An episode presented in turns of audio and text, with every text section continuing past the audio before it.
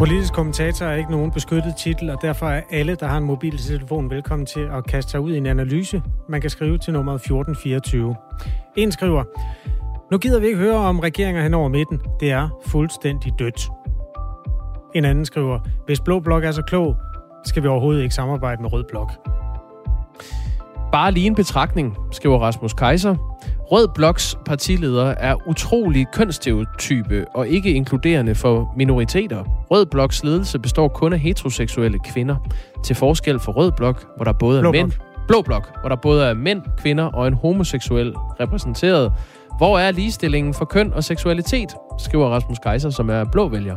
Ja, så er det deklareret. Du kan skrive til os på nummer 1424. Folketingsvalget er overstået for valghandlingens vedkommende, men konstitueringen den kan komme til at tage mange år. Øhm, vi følger selvfølgelig tilløbende, og i løbet af dagen vil du også her på Radio 4 kunne få nogle af de personlige historier. Vi er jo meget spændt på, hvem der er valgt ind og hvem der er valgt ud. Øh, taber-historierne kan vi måske starte med at, at kigge på her, fordi lige så vel som en rød øh, lejr brød ud i sejrsbrøl, så var der nogen, der hang noget mere med klarinetten i går. Vi byder dig godmorgen, hvis du lige er stedet på. Vi sender Radio 4 morgen helt frem til 9.30 i dag. Det er Kasper Harbo, Jakob Grosen, vores kollega Anne Philipsen er også, Ja, godmorgen. og øh, Thomas Larsen, politisk redaktør. Godmorgen. Godmorgen. Lad os kigge nærmere på øh, de partier, der nok nærmere fandt gravøllen frem, øh, i stedet for champagne i aftes. Vi lægger ud med det konservative Folkeparti. I august stod Søren Pape under en øh, skyfri sommerhimmel og erklærede sig klar som den tredje statsministerkandidat. Dengang lød vælgeropbakningen på øh, knap 16 procent. Altså 16 procent ville stemme på det konservative Folkeparti. Men siden, og det ved du nok, ramte den ene øh, møghistorie efter den anden partiformanden. Gårdsdagens valgresultat endte også med at blive en øh, gedin lussing. Der var opbakningen fra 5,5 procent til det konservative Folkeparti. Det er dårligere end partiets resultat ved det seneste valg i 2019. Og det gjorde ondt på Søren Pape Poulsen, da han talte med sine partifælder. Øh, det her klip det er taget fra TV2 i aftes. Vi har tabt en procent, ja. Vi ser ud til at tabe to mandater. Det er jeg nok den, der er allermest ærgerlig over. Og det gør rigtig ondt, og det er jeg ærgerlig over. Men der er stadigvæk mange procenter at hente i de kommende år. Og det kommer vi til at kæmpe for i fællesskab. Da det efter længere tids øh, drama så stod klart, at flertallet gik til rød blok, fik Søren Pape Poulsen endnu et hak i øh, sit øh, i forvejen halvdårlige humør. Jeg er ked af det på Danmarks vegne, at vi skal fortsætte måske med Mette Frederiksen, men lad os nu håbe, at der kan ske et eller andet, så, øh, så hun ikke skal. Men lige nu, det var, det var, det var en træls øh, sidste minutter her, hvor det lige vippede det sidste mandat. Når man kigger på, hvem der er gået tilbage fra øh, i forhold til Folketingsvalget i 2019, så er der dog ingen, der kan sammenligne sig med Venstre. Venstre er gået 10,1 procentpoint tilbage. Ligger nu med en vælgertilslutning på 13,3 procent. Det svarer sådan til rundt regnet hver syvende stemme. Og i alt betyder det, at partiet skal sige farvel til 20 af de mennesker, der sidder i Folketinget. Det var et resultat, der også ærgede formand Jakob Ellemann Jensen, som TV2 talte med. Der er helt åbenlyst flere forklaringer på resultatet, og dem skal vi nok få tid til at evaluere. En af de mere åbenlyse forklaringer er, at Venstre gennem de seneste tre år har været igennem en utrolig turbulent tid. Vores tidligere formand, vores tidligere næstformand, har hver især stiftet deres eget parti. Det påvirker selvfølgelig vores resultat i aften, Sammen så øh, ville det, man kunne kalde forenede Venstre, få omkring 30 procent af stemmerne. Jo, jo. Men ja, det ændrer jo altså ikke på, at Venstre kun har fået 13,3 procent af stemmerne. Valgmatematik er ubarmhjertig, men vælgerne, de har talt. Og i et demokrati, der kan vælgerne aldrig nogensinde tager fejl. Jakob Ellemann Jensen er altså formand for Venstre, ikke Forenet Venstre, som var en øh, nyskabelse, som han altså lancerede her i sin postvalgtale. Altså en hilsen til tidligere partiformand Lars Løkke Rasmussen, nu kendt fra Moderaterne, og tidligere næstformand Inger Støjberg, der nu stiller op hos Danmarksdemokraterne. Så vidt altså de forskellige former for Venstre, som i alt nu står med 23 mandater i det nye Folketing. Og så er der radikale venstre. Det er jo sådan en helt øh, tredje type venstre. Øh, det er også et parti, der er blandt gårdsdagens tabere. Partiet er blevet øh, mere end halveret og går nu fra 16 til 7 mandater. Formand øh, Sofie Carsten Nielsen var øh, ked af det, da hun holdt tale for sine partifælder i aftes. Vi har tabt mandater i dag, det er helt tydeligt. Men allermest så øh, kommer vi jo til at miste kolleger, der har gjort en kæmpe indsats og en kæmpe forskel for Danmark og for Radikale Venstre i de seneste år. Og kolleger, som ville have kunne gøre en kæmpe forskel for Danmark og for Radikale Venstre i den kommende tid. Og det er jeg ked af. Det er mit ansvar, at valgkampen ikke gik bedre. Og det ansvar, det tager jeg på mig. Der er masser af selvrensagelse at tage fat på. Der er helt sikkert flere grunde til, at det ikke gik bedre. Og dem skal vi i god ro og orden tale igennem i partiet.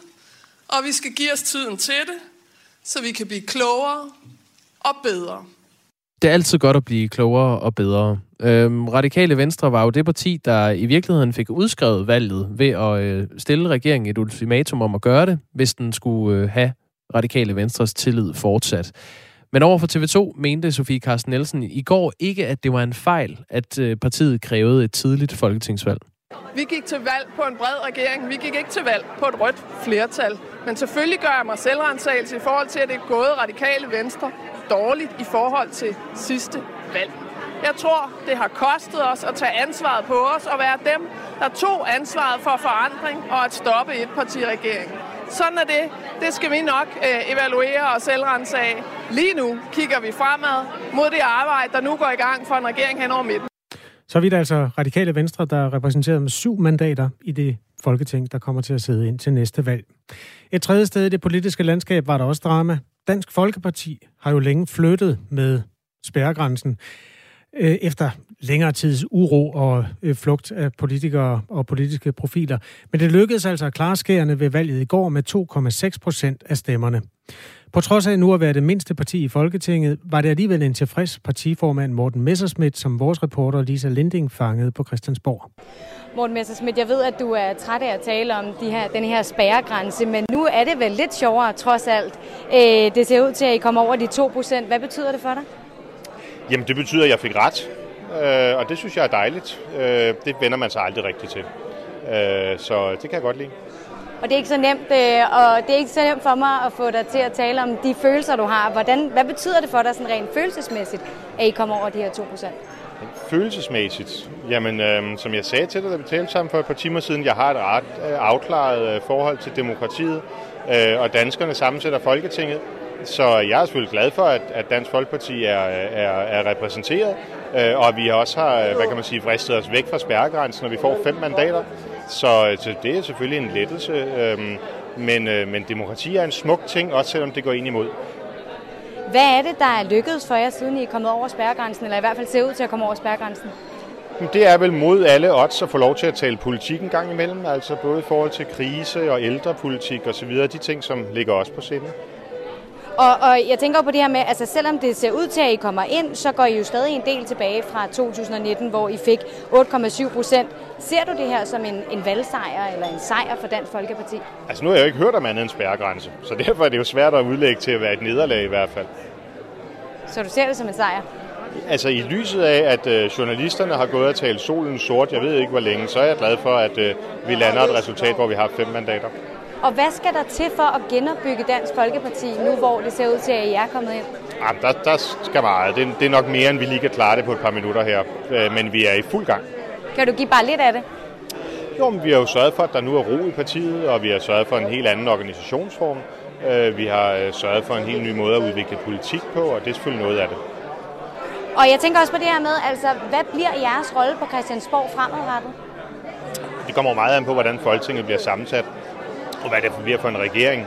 Men, øh, men øh, det går meget skal jo tyde på, at vi bliver oppositionsparti, øh, og det er vi rigtig gode til.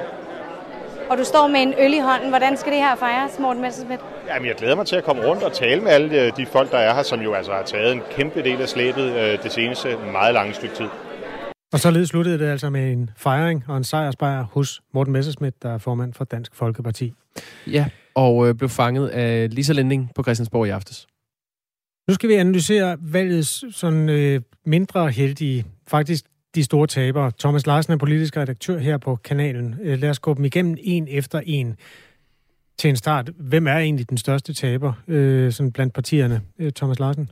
Uha, det var et uh, godt spørgsmål, Kasper, fordi sagen er, at konkurrencen er meget, meget hård her, fordi det er jo altså nogle partier, der har fået store øh, uh, øre, øretæver uh, hver i, især, og jeg synes egentlig, det er svært sådan at udpege den allerstørste taber. Det er klart, sådan, når vi kigger på antallet af uh, mandater og folketingsmedlemmer, der forsvinder fra en folketingsgruppe, så er det godt nok mange, der ryger ud af, af Venstre. Omvendt må man altså også sige, at hvis vi kigger på uh, det radikale uh, Venstre, altså, så har de fået også en historisk øh, afklapsning øh, her og er fuldstændig kikset med deres øh, valgkamp og skal nu til at finde deres øh, fødder øh, i forhold til den Mette Frederiksen, som de havde håbet at sætte under pres, men som jo altså i stedet for har fået et kanonvalg. Der er kommet en lille analyse på sms'en. Der er en, der skriver, de radikale gik tilbage, fordi de er et MeToo-parti. Morten Østergaards overgreb betød, at radikale mistede alle deres vælgere. Lyder altså analysen derfra. Alle må jo analysere i vores sms. Thomas Larsen er politisk redaktør her på Radio 4. Hvad er din analyse? Altså, hvad er det, der er gået galt for radikale? Det er rigtigt, at øh, de radikale har haft det svært igennem længere tid, og netop hele den her altså MeToo-skandale, hvor det viser, at Morten Østergaard, der udadtil altså bekæmpede sexisme og krænkelsesager, øh, viser at have flere altså grimme sager på samvittigheden, det var noget, der var med til at give partiet et stort knæk. Men altså ser vi på den her valgkamp, som vi netop har været igennem, så tror jeg simpelthen, at hovedproblemet har været, at mange vælgere grundlæggende ikke har kunne forstå de radikale, fordi Sofie Carsten Nielsen Nielsen, hun ønskede jo altså et, øh, et folketingsvalg. Det var hende, der fremtvang det i en meget sådan, usikker og turbulent øh, tid, og hun ønskede især et øh, valg for at få renset luften og få gjort op med en statsminister, som hun kaldte for magtfuldkommen og enrådet. Men samtidig sagde hun jo så, at hun egentlig gerne ville i regering med Mette Frederiksen som øh, statsminister. Og det er simpelthen en forklaring, der er svær at, at sælge, og som har gjort det svært for de radikale at komme helt skinnet igennem den her øh, valgkamp. Det tror jeg er hovedforklaringen. Vores lytter Alexander øh, stemte borgerligt i går, og han skriver, det overrasker mig lidt, at Pape ikke gik af. Har han ikke altid sagt, at går han tilbage, så går han af, spørger Alexander. Øh, det ved jeg ikke, om du kan huske, Thomas Larsen, men øh, er det overraskende for det første, at han ikke gik af? Det er i hvert fald et øh, nederlag af en kaliber og en afklapsning i en skala, som gør, at andre partiledere formentlig var blevet tvunget til at gå af. Altså de er enten selv gået af, eller også så havde man sådan ret hurtigt i partiet øh, gået i gang med at se sig om efter en ny leder. Men her der hører det altså med til historien, at øh, Søren Pape Poulsen, selvom han nu står med det her ekstremt skuffende valgresultat mellem hænderne, så er han stadigvæk en meget altså, populær og afholdt øh, leder blandt de konservative, og det er, tror jeg, en meget afgørende grund til, at han øh, netop vil kunne, kunne øh, fortsætte. En anden grund, det handler så også om, at det er svært at få øje på den umiddelbare aftager, altså hvem skulle det øh, være. Øh, det tror jeg ikke, de er enige om i det konservative Folkeparti, og hvis der er noget, de ikke ønsker, så er det at kaste partiet ud i sådan et ødelæggende magtopgør nu, øh, hvor man skal finde en, en ny leder, og derfor så tror jeg altså også, at Søren Pape Poulsen får lov til at føre partiet videre. Folketingets næststørste parti er stadig Venstre, men øh, Venstre havde et skrækkeligt valg og gik øh, tilbage fra 23 til 13 procent, og det betyder, at partiet skal sige farvel til 20 mandater i Folketinget. Der var jo den interne rivalisering i Blå Blok om, hvem der egentlig var den oplagte statsministerkandidat, og Jakob Ellemann fik jo sådan til sidst øh, rollen som lederen af Blå Blok, fordi det må væk var noget større end konservative. Men alligevel kan man stadig kalde Jakob Ellemann for leder af Blå Blok, som det ser ud nu. Det tror jeg faktisk er et øh, spørgsmål, som det er øh, svært at svare på, også for de øh, blå partiledere. Han har chancen for, kan man sige, at erobre den position, eller måske generobre den position, hvis han gør det rigtig, rigtig godt i den kommende tid, og altså på den måde viser, at han kan samarbejde godt med de øvrige borgerlige ledere. Men altså, det bliver en, en, en prøvetid, han kommer ind i, tror jeg, fordi det er klart, at Venstre er voldsomt uh, formindst elsket, øh, og det er heller ikke alle af de øvrige øh, borgerlige partiledere, der synes, han har ført en voldsom god øh, valgkamp, og i virkeligheden har været i stand til kraftfuldt at udfordre øh, Mette Frederiksen. Så jeg tror snarere, vi kommer til at se ind i en periode, hvor det vil være lidt uklart, hvem det i virkeligheden er, der kommer til at lede øh, Blå Blok. Thomas Larsen er politisk redaktør og er altså med os her til morgen og kan hjælpe med at øh, forfølge også nogle af de spor, der kommer ind i sms'en. Tak til jer, der har skrevet til os allerede. Vi skal nok rydde op i kommentarerne og analyserne efterhånden, som vi kommer lidt længere frem på morgenen.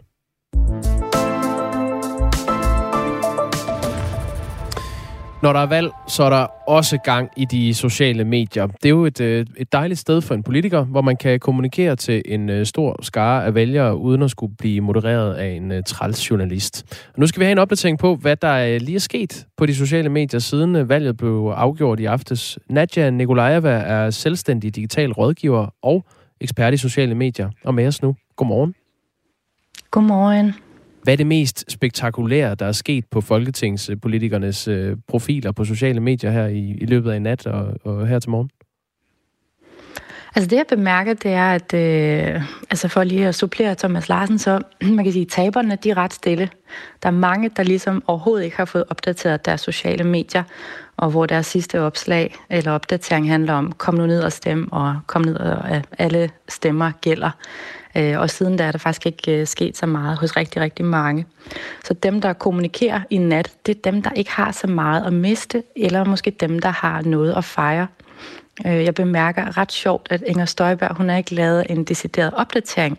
Hun har dog alligevel fundet tid til at opdatere sit coverbillede på Facebook. Øh, det er ret flad at grine over. Hun har for fire timer siden opdateret sit coverbillede til sådan et sejrsrosbillede, hvor at hun får konfetti i hovedet til, øh, til den her valgfest. Så der er alligevel et imagepleje øh, her i nat, at det, det coverbillede, det skulle altså lige opdateres. det er jo Så også en måde at kommunikere Rosenkilde, på. Hun ja. har det her grønne hjerte, øh, hvor hun siger tak. Øh, men der er, også, altså, der er jo kun én dronning af sociale medier, og det kan jeg godt hvem, gætte, hvem det er, tænker jeg. Alex? Øh, dronning. Nå. øh, Mette? Mette, lige præcis. Hvad skriver hun? Øh, jamen, altså, hun har jo bare ligget nummer et øh, på sociale medier øh, helt konsekvent i den her valgkamp. Og øh, i nat, der deler hun øh, altså en opdatering, hvor hun simpelthen bare skriver tak med store bogstaver og et portrætbillede af sig selv. Og det er det mest øh, interagerede opslag på sociale medier lige nu øh, i Danmark. Hvor mange likes har Så hun kan billede? bare det der. Jamen på Instagram har det øh, 17.000 likes, og på Facebook har det 20. Og det er hendes mest likede opdatering øh, i valgkampen, øh, når jeg lige scroller ned og sammenligner med, hvad der ellers er kommet tidligere. Og man kan sige, sådan et... Øh, det er jo en meget klar kommunikation, hvor hun ligesom på det her tidspunkt fejrer, at øh, valgresultatet peger i den retning, hun godt kunne tænke sig. Øh, men kommentarfeltet, hold nu op, der er virkelig diskussion i det. Det er jo ikke alle, der ligesom ønsker hende til lykke. Lad os bare sige det sådan. Øh, der er en, der skriver her, lortedag, sort, sort dag for retssamfundet. Det er så i kontrast til, til lykke med det, står der andre steder. Ikke? Så hun kan virkelig øh, fortsætte debatten inde på sin Instagram, hvis hun vil det. Men øh, det, det er jo meget godt med interaktion, og man kan også sige, det er jo så bagsiden af medaljen, når man øh, som politiker øh, på den måde kommunikerer direkte med, øh, med folket. Så får man også råt for usødet, hvad folket mener. Øh, Nadja Nikolajeva, der er jo stadig tvivl om, hvem der kommer til at, at skulle sidde i en ny regering her i Danmark. Er der nogen politikere, der er kommet med kommentarer, der kan gøre os klogere på, hvor de står? Nej, og, og der er nemlig stille. Og det tolker jeg som, at der er ikke råd til lige nu at gå ud og lave udmeldinger på sociale medier lige nu. Der skal man til forhandlingsbordet øh, og klare det internt, før man går ud og, øh, og skal komme med nogle udmeldinger på sociale medier. Det så vi også i, øh, i går aftes, at øh, politikerne er meget taktiske med, hvornår de udtaler sig, og lige så snart der bare er lidt at miste, så holder man altså lige lidt igen, før man øh, går ud og giver en officiel kommentar. Så det ser vi altså også afspejlet på sociale medier. Så dem vi har, det er dem, der har noget at fejre, det er dem, der har nogle klare øh, udmeldinger, øh, og de fleste er tavse. Der er også tavshed på TikTok, så nu kan det være, at vi får TikTok tilbage, når politikerne er færdige med at bruge den platform. Det glæder jeg mig personligt meget til. Ja, det er spændende. Også øh, spændende, om øh, Alex Vandopslag kan fortsætte det, det rate derinde, som han har været på her under valgkampen, eller om det nu damper lidt af, efter han har fået et øh, flot valg for Liberal Alliance. Nadja Nikolaj. Jeg gætter, på, ja. jeg gætter på, at det damper af, men det kunne det være sjovt, hvis han fortsat i en eller anden grad, ikke? at tage os med behind the scenes. Det må jeg, vi lige holde øje med. Jeg kender mange teenagebørn, der glæder sig til, at han skrider, skulle jeg hilse at sige. Eller i det hele taget, at alle de voksne skrider. uh, Nadja Nikolaj, tak fordi du var med her.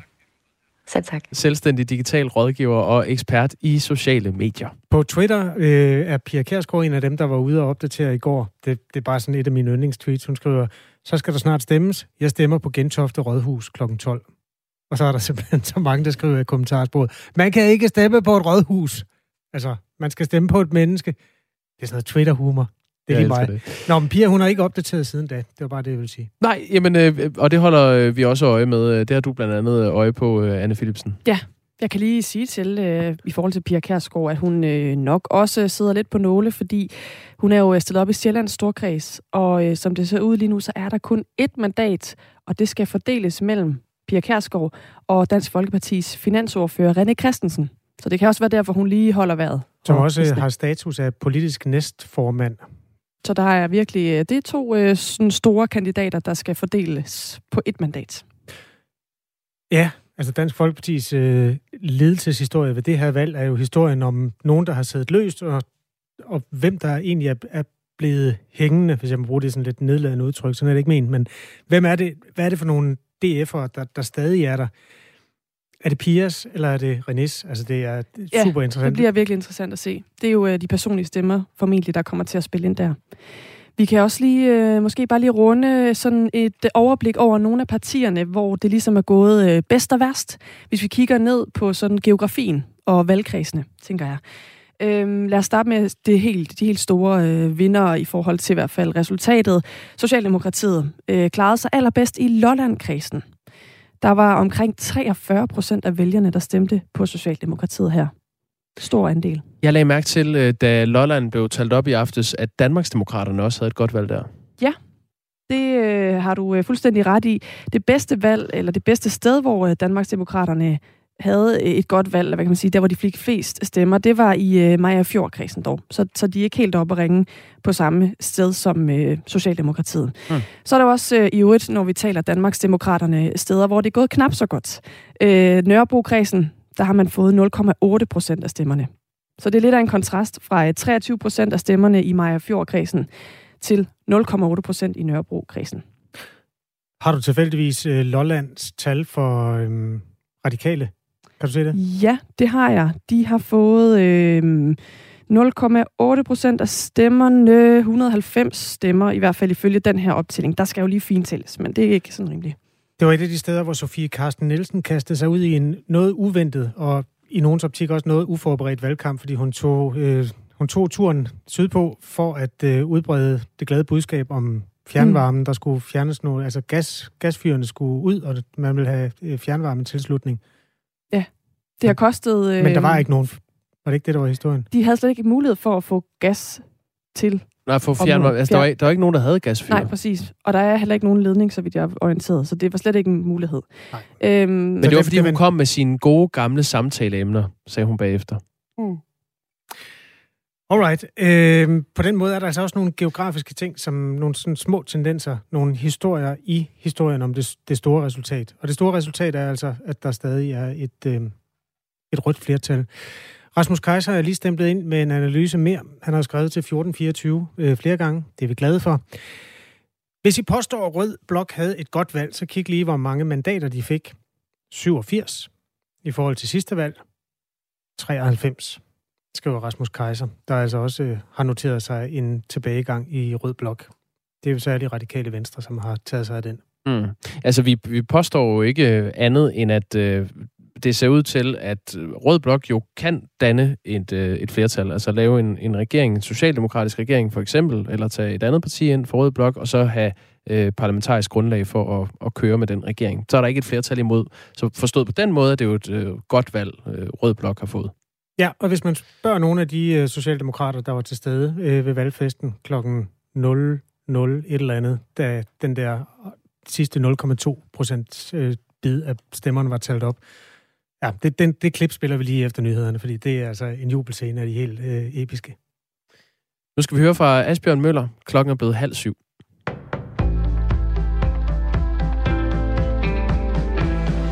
Rød Blok får et flertal af stemmerne og kan dermed tælle til 90 mandater. Det står klart efter, at alle stemmerne er talt op, både i Danmark og i Grønland.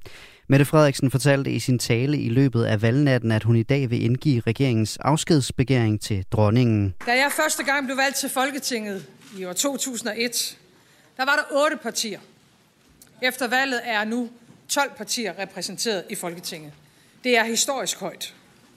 Mere end noget andet kalder det på samarbejde. Det står også klart, at der ikke længere er et flertal bag regeringen i dens nuværende form. Derfor vil jeg i morgen indgive regeringens afskedsbegæring til hendes majestæt dronningen. Dermed er der lagt op til en dronningerunde, og Mette Frederiksen holdte i sin tale i løbet af valgnatten fast i, at der er en bred regering i vente. Socialdemokratiet gik til valg på at danne en bred regering. Hvis et flertal af partierne peger på mig som kongelig undersøger, så vil jeg afsøge, om det kan lade sig gøre. For det er det, der vil være godt for Danmark. Socialdemokratiet har fået næsten 28 procent af stemmerne, det højeste antal siden 2001. Og Rød Blok og Moderaterne udpeger Mette Frederiksen som kongelig undersøger, det siger partilederne i partilederrunden. Dermed skal Mette Frederiksen indtage rollen som kongelig undersøger, som er den, der undersøger, om der kan dannes en regering. Og Mette Frederiksen vil altså invitere flere partier til at afsøge mulighederne for at danne regeringen. Jeg vil foreslå, at alle de partier, der vil være med til at tage et ansvar på, begynder forhandlingerne, siger hun. Selvom Moderaterne og Lars Lykke Rasmussen peger på Mette Frederiksen, så er det ikke som statsminister, understreger han. Og netop Moderaterne og i øvrigt også Danmarksdemokraterne stormer ind i Folketinget blandt de fem største partier. Moderaterne får 9,3 procent af stemmerne, og dermed bliver partiet det tredje største. Det udløser 16 mandater. Radio 4's politiske redaktør Thomas Larsen kalder det for historisk, at det lykkedes. Der øh, må man jo sige, at det her valg det kommer til at skrive sig ind i historiebøgerne, fordi det jo lykkedes for Lars Løkke Rasmussen og Moderaterne at brage direkte ind i, øh, i Folketinget, og det samme skete jo også for Inger Støjberg og Danmarks Demokraterne, og dermed kan man også sige, at det er i høj grad nogle af de tidligere venstreprofiler, der har været med til at skabe det her meget dramatiske valg, vi har været vidne til. Og formanden for Danmarksdemokraterne Inger Støjberg var glad for at være det femte største parti med omkring 8 procent af stemmerne, det sagde hun ved sin tale i nat. Da jeg raslede lidt med sablerne og sagde, at muligvis vil der komme et parti, der bliver det frarådet, fordi folk sagde, det bliver stemmespil, I kommer næppe over spærregrænsen. Vi kom over spærregrænsen. Og partiet Frie Grønne kommer ikke i Folketinget. Det erkender partiets politiske leder Sikanda Siddiq efter en valgkamp, hvor partiet ikke har prøvet at være over spærregrænsen. Selvfølgelig er jeg trist. Jeg havde håbet på, at Frie Grønne ville fortsætte i Folketinget, på trods af, at vi har vidst, at vi hele tiden var op imod rigtig hårde odds. Det siger Sikander Siddiq. Men selvom det ikke er lykkedes, så slår han fast, at projektet ikke er forgæves, og han kigger på de positive aspekter, som partiet kan tage med videre. Vi må også kigge på, at der faktisk er 1%, som har stemt på os og købt ind på projektet. Det er flere tusinder af borgere, og det er et stærkt fundament, og det fundament vil vi bruge til at arbejde videre, siger Sikander Siddiq. 12 ud af 14 partier blev valgt til Folketinget. Kristendemokraterne er det andet parti, der ikke kommer ind. Dagen byder på byer, der stedvis kan være kraftige og ledsaget af torden, men også perioder med lidt eller nogen sol. Temperaturer mellem 10 og 13 grader. Og det var nyhederne her på Radio 4.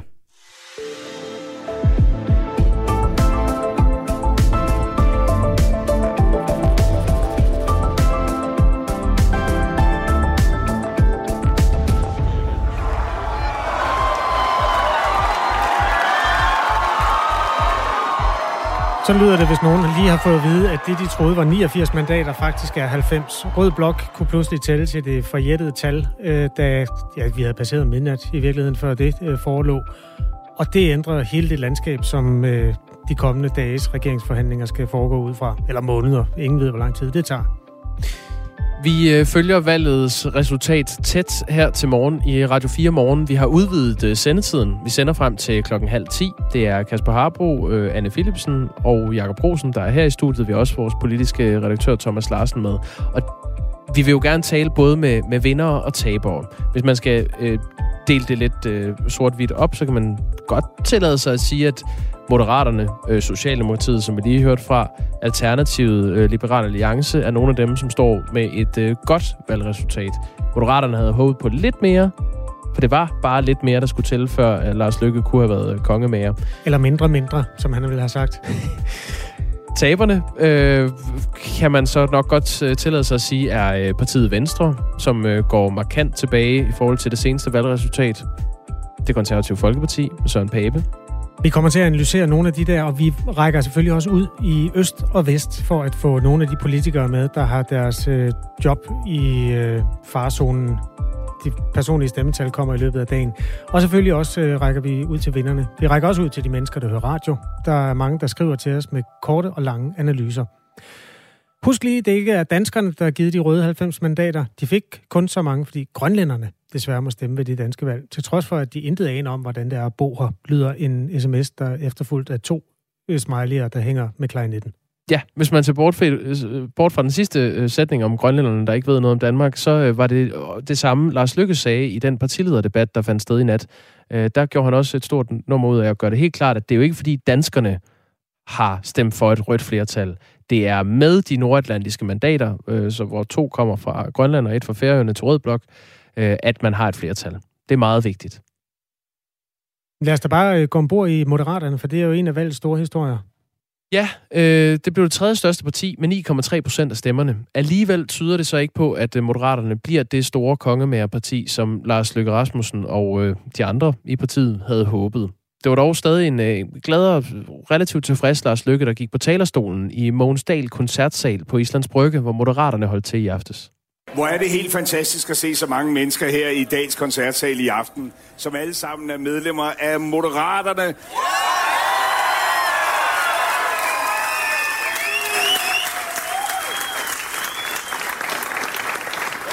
Og som har kæmpet, og som har leveret, uden at vi kender det endelige resultat, et helt fantastisk valgresultat. Det er vigtigt at sige, at uh, Lars Lykke holdt den her tale før det endelige valgresultat lå der. Og dermed øh, havde han måske et øh, øh, indtryk af, at Moderaterne godt kunne gå hen og blive det kongemærparti, man havde håbet.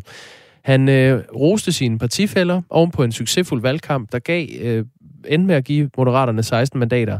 Og så gik han ellers i gang med at remse op, hvordan Moderaterne har tænkt sig at ændre dansk politik. For fem måneder siden, der fandtes vi ikke stiftet på en idé, som øh, går nogle år tilbage, og som materialiserede sig den 8. januar 2021. Tanken om, at der findes danskere derude, der gerne vil tale substans og nuancer, og som ved, at politik ikke er noget, der kan løses med fingerknipser i smarte overskrifter, et halvt tørklæde forbud og en halv lønbulje.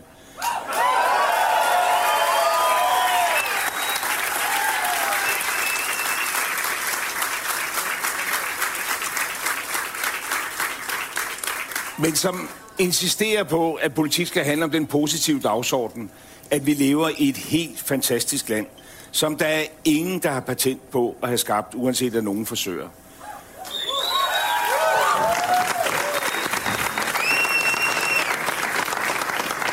Men som også ved, at det er noget, vi er til låns.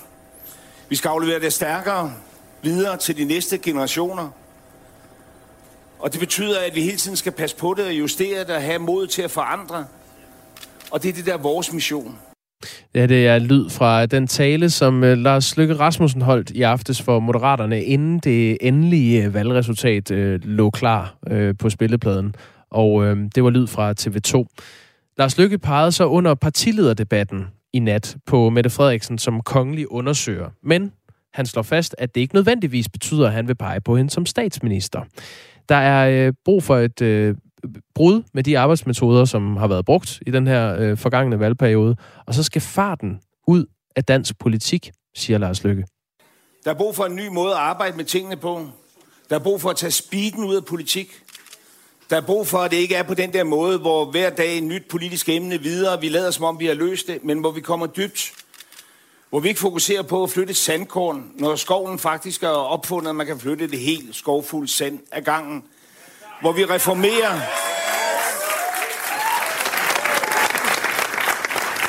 hvor vi reformerer og fornyer det her samfund, og hvor vi åbner magtens rum op, hvor vi gør op med egenrådighed og lukkethed.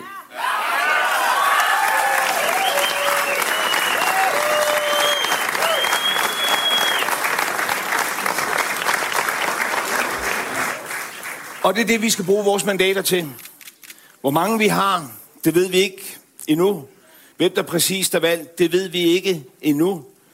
Men vi ved med sikkerhed, at vi får en folketingsgruppe, der kommer til at bestå af rigtige mennesker, der arbejder ude i det rigtige liv. Ja, sådan øh, sagde altså Lars Løkke Rasmussen, da han holdt en tale for Moderaternes øh, medlemmer og kandidater til valgfesten i aftes. Moderaterne er altså braget ind i Folketinget og er nu det tredje største parti. 16 mandater. Næsten ja, 9,3 procent af stemmerne blev det til. Formand Lars Lykke ender så bare ikke med at få lige så stor magt, som det på et tidspunkt tydede på, fordi de sidste stemmer faldt i den røde skål, og dermed kunne der pludselig tælles til 90 på den front. Thomas Larsen er politisk redaktør her på kanalen. Øhm, Thomas Larsen, hvor står Lars Lykke efter resultatet i går?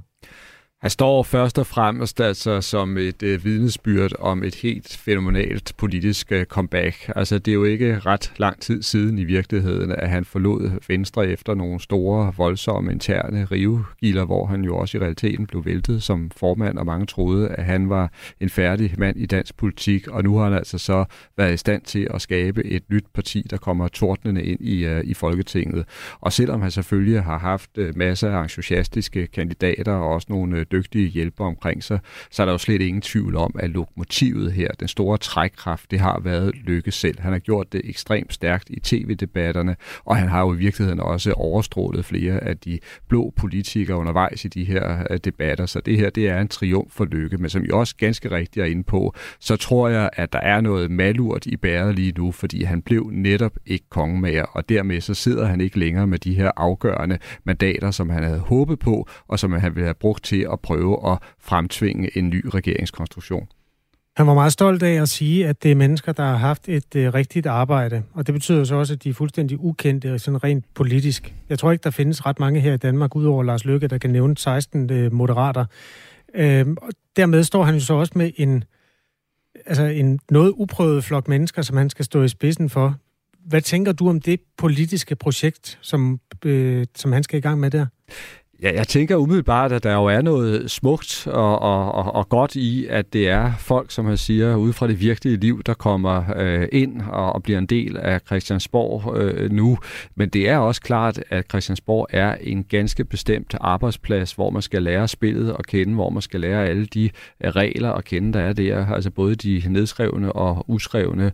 Øh, og det er endelig også et sted, hvor fejl altså ofte kan blive straffet meget hårdt. Så derfor så bliver det virkelig vigtigt for Lars Løkke Rasmussen og hans øh, nærmeste folk, at de formår at uddanne og skole den her nye øh, store folketingsgruppe, som rent faktisk kommer til at fungere og også kan blive en trækkraft for partiet øh, videre frem. Det er en kæmpe stor øh, opgave rent faktisk, og der er også nogle øh, partier, øh, har vi set tidligere i historien, der er knækket på det her. Der er også andre, der er lykkedes med det, fordi dengang Dansk Folkeparti eksempelvis bragede frem og fik altså nogle kanonvalg, der var der mange, der sådan håndligt talte om, at nu kom landsbytosserne ind på Christiansborg, og det vil aldrig gå. Men det gik jo altså rent faktisk meget godt.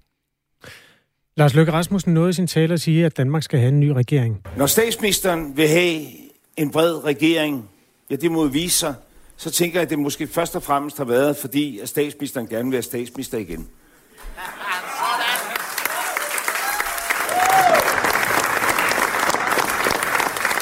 Og det er da også muligt, hun bliver det.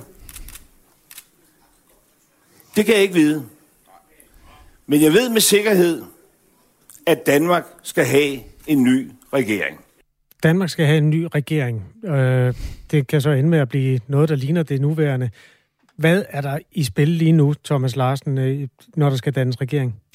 Ja, helt konkret så er der det i spil, at Mette Frederiksen jo øh, i dag kommer til at af, altså indgive sin afskedsbegæring, og øh, dermed ligesom siger, at øh, hendes regering er et overstået øh, kapitel, hvis man kan formulere det på den måde. Og så øh, står det også klart, at hun kommer til at blive altså den øh, forhandlingsleder eller undersøger, der så skal prøve at finde ud af, om der kan dannes en ny regering, og også hvordan den skal se ud.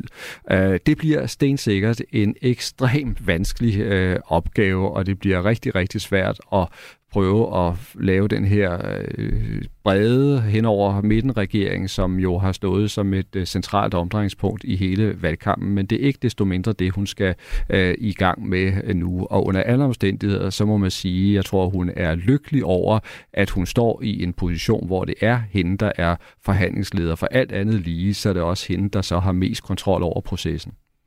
Thomas Larsen er politisk redaktør her på kanalen. Vi følger øh, selvfølgelig udviklingen oven på valget i går. Hvis du lige har stået op, kan vi oplyse, at der kan tælles til 90 i den røde lejr. Socialdemokraterne er gået frem øh, med to mandater og har nu 50 pladser i det nye Folketing. Blå Blok nåede ikke derhen, hvor de gerne ville, og det kan vi måske vende os mod nu.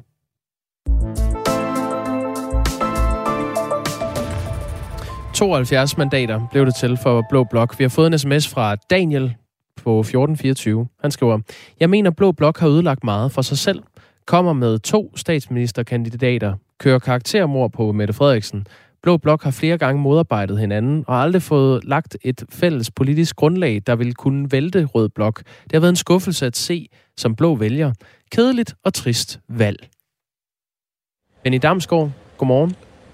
Godmorgen, godmorgen. Du er øh, politisk, øh, ja, du er valgkommentator, øh, politisk valgkommentator for, for os her på Radio 4. Så er du tidligere kommunikationschef for det konservative øh, Folkeparti. Øhm, hvordan ser du på, på den analyse, Daniel kommer med her, vores lytter? Jamen, altså, han har jo ret i, at det var et øh, skuffende valg for, for den borgerlige side. Man havde øh, sat næsen op efter at få en øh, ny statsminister og selv komme i regering. Og det kom man langt fra, snarere tværtimod, så de to borgerlige statsministerkandidater kom begge to ud med nogle gedigende tømmermænd, især Venstre selvfølgelig mandatmæssigt, men også, hvis man ser over hele valgkampen, det konservative folkeparti, som, som jo i, i august måned, vi skal ikke længere tilbage til august måned, stod til at få 16 mandater, de, eller undskyld, 16 procent, og de, de lander nu på, på 5,5. Så altså, da hverken Jakob Ellemann eller Søren Pape kan være, øh, kan være tilfreds med resultatet, og der er en lang evalueringsproces øh, forude, hvor, hvor noget også vil blive, hvor der også vil blive sagt knuppet ord de to øh, partier imellem, fordi de har ikke været enige om, hvordan den her helt ekstraordinære situation med to statsministerkandidater på blå side skulle håndteres. Nej, det er jo sådan set øh, overraskende, også taget i betragtning af, at, at det har været øh, svært at forudsige under valgkampen, hvordan det her valg ville falde ud.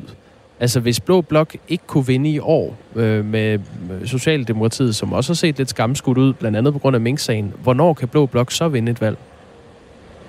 Ja, det er øh, et rigtig, rigtig godt spørgsmål.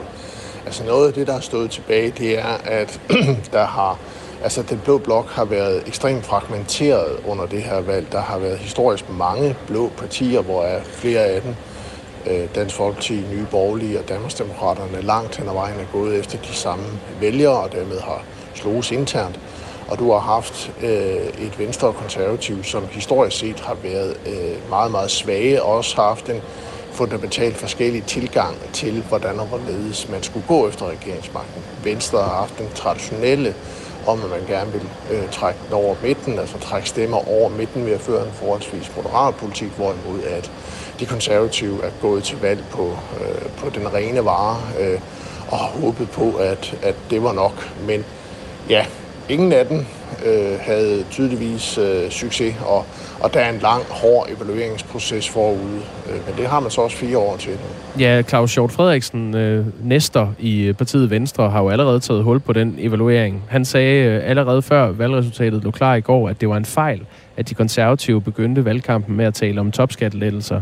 Øh, generelt sagde han, at de har ikke bidraget med noget positivt. Og han gik også så langt som at sammenligne Søren Pape med øh, Liz Truss, som fik nogle af 40 dage øh, som øh, Storbritanniens premierminister. Øh, hvordan skal de nu klinke skårene, øh, konservative og venstre? Altså, Claus Hjort har altid været øh, øh kendt for at være en konservativ kritiker. Øh, så, så det tror jeg, man, man tager relativt afslappet hans synspunkter i, øh, inden, i de konservative. Øh, og øh, Claus Hjort er jo også stoppet i dansk politik. Han er genopstillet ikke ved, ved folketingsvalget, og, og er nu reelt set ikke med i Folketinget længere, eller, eller har nogen aktiv rolle. Så det, ham specifikt tager man, en, en, tager man nok relativt afslappet. Men, men der er ingen tvivl om, at det Søren Pape gik til, øh, til valg på, har, har været en, altså den økonomiske politik med topskattelettelser, afskaffelse af Arne-pension, afskaffelse af efterløn og, og en lang række øh, reformer og nogen vil også kalde nedskæringer i det offentlige. Det har været en, en historisk set meget blå øh, økonomisk politik for en statsministerkandidat, som Pape har været. Det, det har været lidt et, et eksperiment, kan man godt kalde det, et eksperiment, som har, har fejlet i den her situation, men jeg skal ikke øh, glemme, at den politik, som Søren Pape er gået til valg på, det er den økonomiske politik, som det konservative folkeparti har og har haft i mange år. Øh, I hvert fald under alle omstændigheder, så længe som Søren Pape har været øh, mm. formand for partiet. Det, der måske bare har manglet, det er, at man ikke har fået det fortalt før nu. Han har været øh, formand for partiet siden 2014, og i går forholdt han sig også til, om han så er den øh, rigtige mand til at fortsætte som formand for partiet. Der var en, der helt, helt seriøst spurgte mig på vejen herind, går du af som formand? Så spurgte jeg. Så sagde jeg, så sagde jeg, og jeg kiggede ham i øjnene, så sagde jeg, var det et seriøst spørgsmål? Benny Damsgaard, lige til sidst her. Er, er det egentlig ikke et, et seriøst spørgsmål at stille Søren Pape, når det konservative Folkeparti får 5,5 procent af stemmerne ved det her valg? Jo, det er et meget øh, legitimt spørgsmål, især når man tager betragtning af, hvor det konservative Folkeparti lå i, i august måned. Generelt må man sige, at, at øh, det er meget få af de spørgsmål, som det konservative Folkeparti og Pape er blevet stillet her siden august måned, hvor han stillede sin statsministerkandidatur, som ikke har været legitime og, og helt inden for, for skiven. Men men altså, der er ikke noget, der tyder på, at der er et oprør internt i det konservative folkeparti på, mod Søren Pape på, på trapperne. Han er en populær formand, så selvom der er stort utilfredshed med den valgkamp, der er ført, og med det resultat, der er kommet, og den manglende, manglende krisehåndtering af sagerne, så er der ikke et oprør i, i sigte. Mm. Men nu hvor man ikke står til at komme i regering heller ikke, så kan det være, at, at der begynder at rumle her i løbet af foråret, når man begynder at stille sig selv spørgsmål om Pape nu også, man, man skal gå til valg med næste gang. Det sagde øh, Benny Damsgaard, som er valgkommentator for os her på Radio 4, og tidligere kommunikationschef for det konservative Folkeparti, og det var han faktisk i 2014, dengang Søren Pape blev formand for partiet.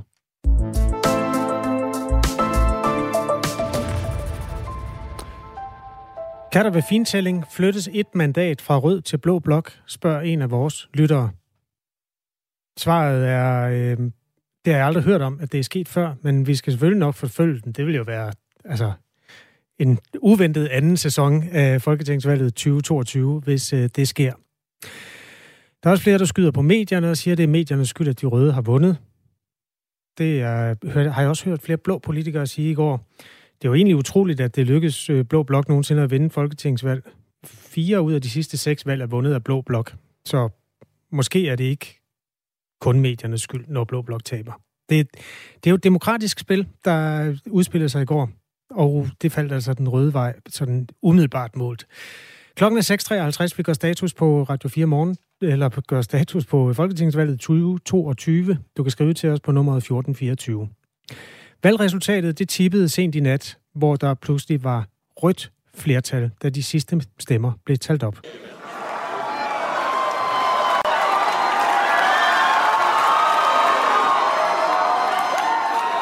her det er lyden fra DR1, der transmitterer direkte fra den socialdemokratiske valgfest, som det godt nok lød til at blive i det sekund, der Benny Engelbrecht var med. Godmorgen.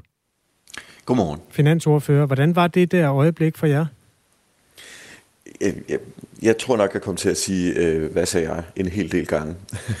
Fordi øh, jeg fra tidligt på aftenen havde kunne se, at, øh, at Danmarks Radios prognose ikke, øh, ikke så ud til at passe. Øh, det var TV2, som, som endte med at, at ramme ret præcis, må man sige. Øh, og, øh, og, og derfor er jeg selvfølgelig også glad for, at, at det var sådan, det gik. Men, men, men, men som man også kunne høre på jublen i, i salen, jamen så, da, da det så var erkendt, at det var sådan, det var også hos Danmarks Radio, så, så var folk ret glade.